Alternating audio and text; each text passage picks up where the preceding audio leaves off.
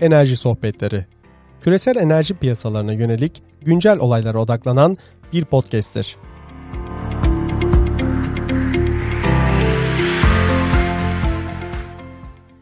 Herkese merhabalar. 30 Ocak 2021 e, Cumartesi günü karşınızdayız Enerji Sohbetlerinden.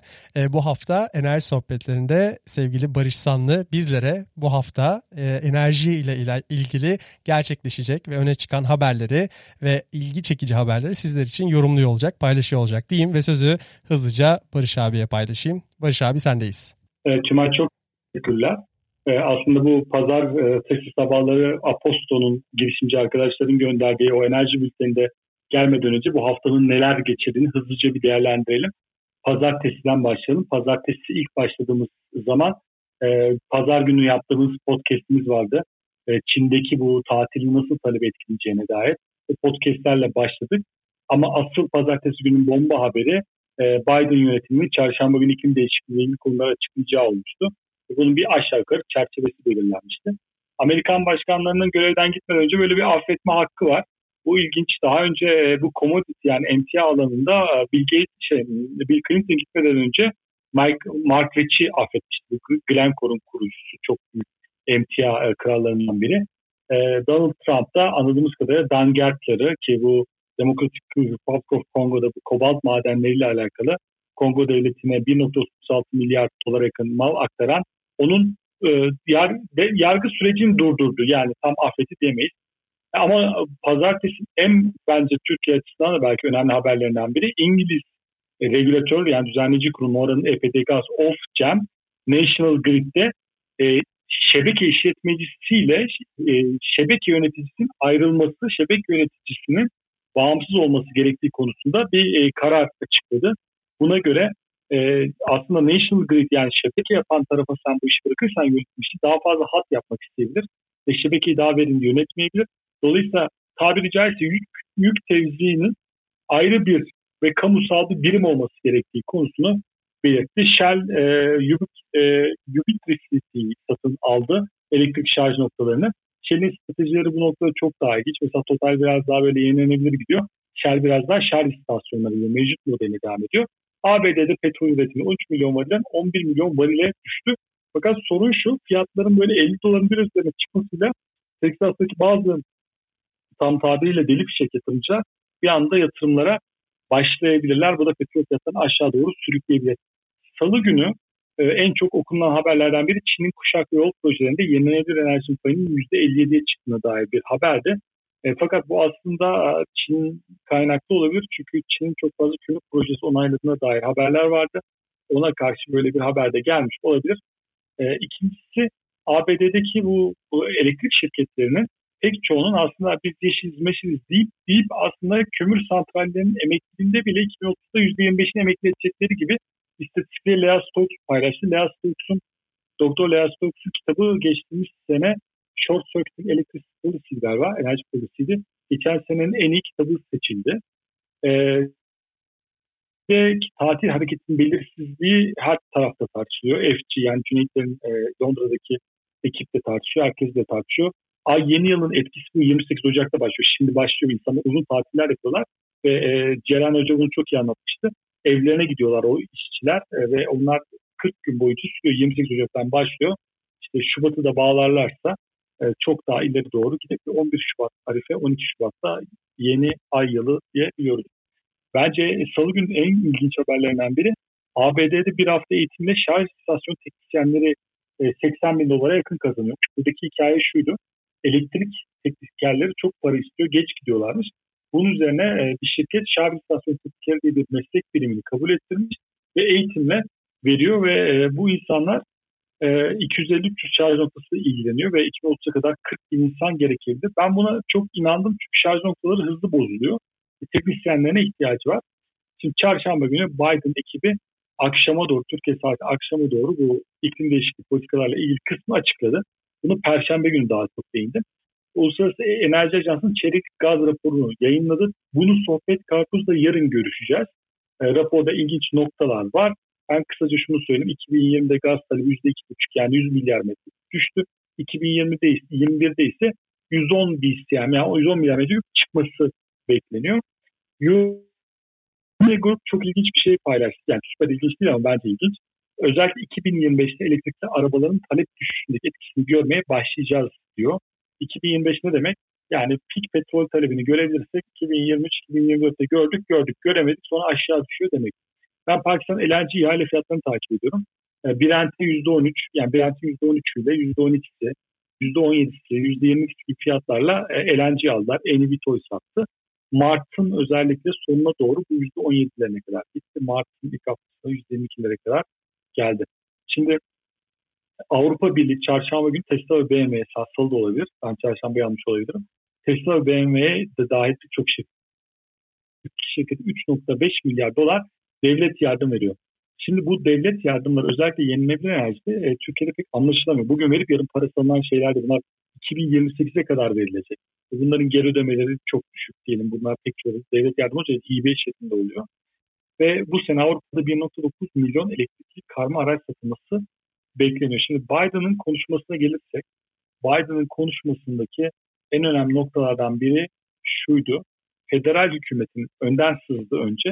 Federal hükümetin 645 bin aracı var Amerika'da federal hükümetin. Bunların tamamının elektrikliye dönüşümü acaba 5 yıl içerisinde olacak mı? Çünkü böyle bir söz bir anda etrafa geldi. Ve eğlence fiyat yüksekliği ile ilgili otopsiler devam ediyor. Bunların en önemlisi IAEA raporunda da olan e, eğlence testlerin ne kadarının plansız kesintiye gitti. Nedense fiyatların yüksek olduğu dönemde çok fazla tesisler çalışamaz durumda oluyor. Bu en ilginç bir şey. Ve benim kendi blogumda da göreceksiniz kamyonlarda elektriklendirme en verimli yolmuş. Hidrojen hepsini söylemişler. Şimdi Perşembe günü bir takvimi gördük. Perşembe günü takvim ne? Şöyle konuşalım. Ee, 2 Şubat'ta Exxon ve BP'nin e, gelirleri açıklanacak. Yani bu çeyreklik raporlar açıklanacak. Dördünde Shell'in, dokuzunda da Total'in. Dolayısıyla önümüzdeki hafta bizim için oldukça önemli olacak. Bu gelirleri okuyacağız. Büyük ihtimal dördüncü çeyrekte zayıf hareketler bekliyoruz petrol şirketlerinden. Şimdi Biden'ın açıkladığı o kararın analizi Perşembe günü gazetelere yansıdı. Şimdi bir tanesi şu. Pek çok kurumun içerisinde iklim değişikliğiyle ilgili görevler görüyor. Yani biz sadece John Kerry'nin iklim çarı, çarı olduğunu zannetmeyin. Adalet Bakanlığı'na, diğer e, Beyaz Saray'a pek çok yerde iklim değişikliği konusunda birileri gel, geliyor. Ve bu gelen insanların pek çoğu e, anladığımız kadarıyla en başta belirli analizleri yapacaklar. Şimdi bir, hani Biden geldi ha hop yarın yenilenebilire geçiyoruz diye bir şey yok. Trump geldi hop yarın kömüre geç diye bir şey olmadığı gibi Biden'a zaman vermek gerekiyor. Şu aşamada daha çok analiz, anlama aşamasındalar. Mantıklı bir nokta. E, bu sebeple de oldukça e, farklı bir detayını az sonra anlatacağım şeyler yaptı. E, bu arada Suudi Enerji Bakanı Prens Abdülaziz Bin Salman yani Kral Salman'ın e, bu Muhammed Bin Salman'la baba bir kardeşleri Enerji Bakanı yenilenebilirde bir diğer Almanya olmak istiyoruz dedi. Line projesine çıkıldılar. E, ilginç bir proje olarak değerlendirir. Çok da eleştiri aldı. Ama eleştiriler enerjiyle alakalı değil. Şimdi Biden'ın açıklamalarına tekrar geri gelirsek, Biden açıklamalarında petrol ve gaz sektörü bunları beklenenden daha az korkutucu buldu. Neden? Biden yasaklama olan ben kelimesi yerine pause dedi. Yani mevcut lisanslamayı durduruyorum dedi ve mümkün olduğunca dedi. Yani possible da extend possible şeklinde söyledi. Dolayısıyla bir başkanlık kararındaki bir kararın nasıl okunması gerektiğine dair çok öğretici bilgiler vardı. Ve e, karada üretim etkileniyor fakat kamu, federal alandaki etki, özel mülkiyet konu alanlara dokunamıyor başkanlık kararları. Fakat burada daha çok düzenleme getirebilirler.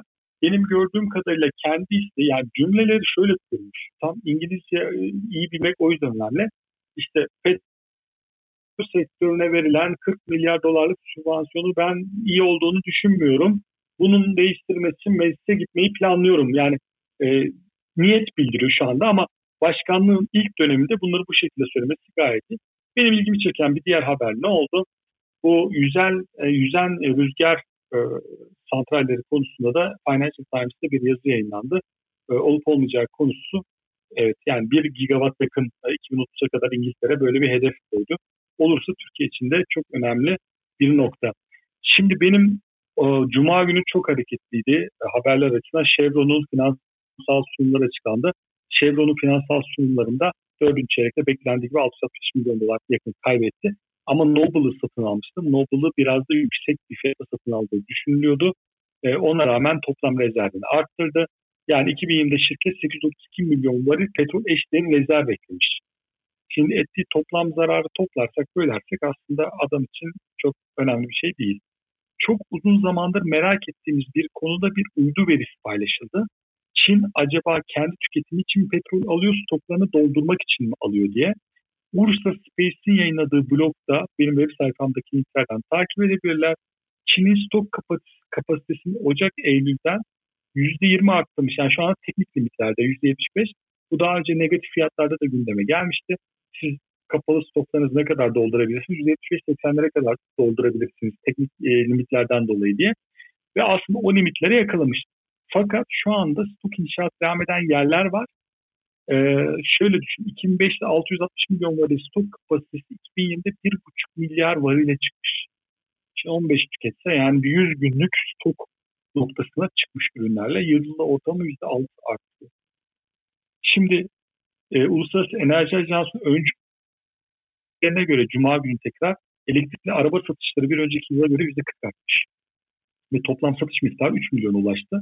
Düşünsenize bu %40 artmaya devam ederse ya biz 2021 sonunda 4,5 milyon görsek e sonra bir daha artsa işte 8 milyon görsek 2025'te bir önceki haber doğru olacak.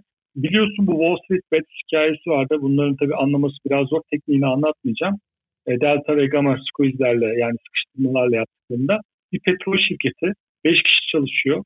Yöneticileri 70 yaşın üstünde New Concept Enerji önce %1000 değerlendirip sonra yüzde, o değerden %54 düşürürler. Şirketin 70 varil bölü gün üretim var. Ya yöneticilerin bile haberinin olduğunu pek de sanmıyorum.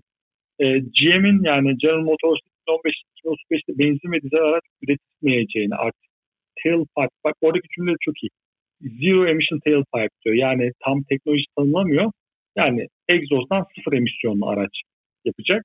E, iki buçuk milyon araç satıyor ama sadece 20 bin elektrikli satıyor. E, ve Amerikan malı elektrikli arabalar açıklamasından Biden'ın bu açıklaması hemen bir gün sonra geldi. Bir selam e, şeklinde geldi. Şimdi iklim değişikliğine karşı e, Biden bu açıklamaları yapma, yaptı ama Texas gibi eyaletlerde ciddi tepki aldı. Texas valisi dedi ki merak etmeyin ben hakkımızı koruyacağım dedi.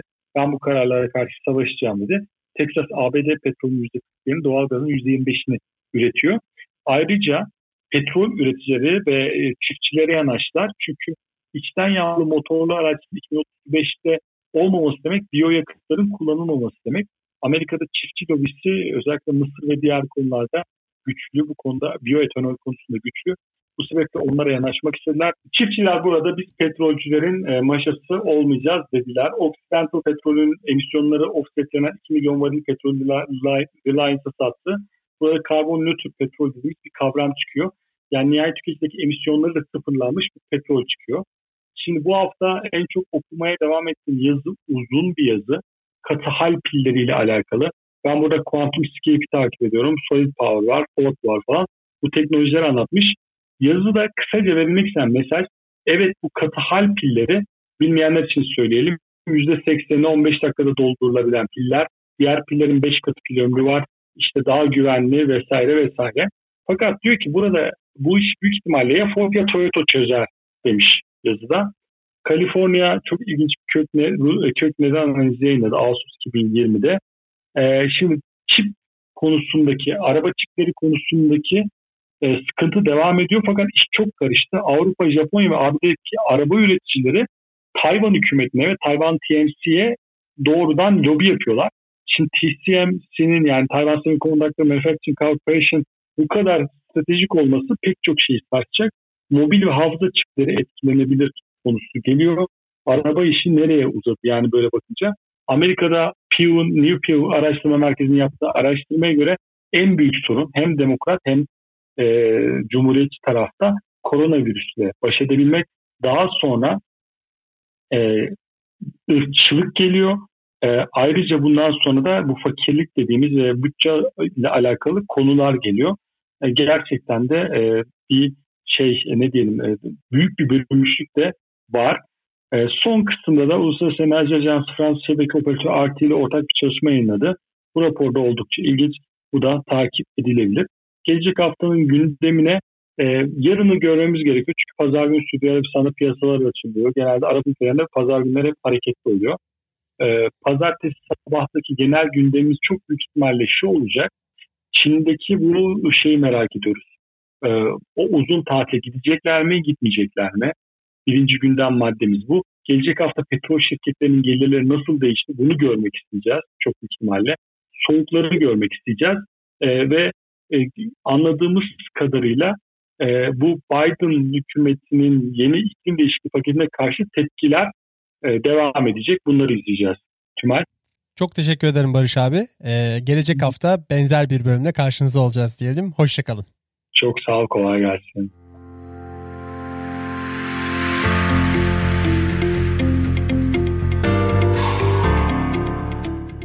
Dinlediğiniz için teşekkür ederiz.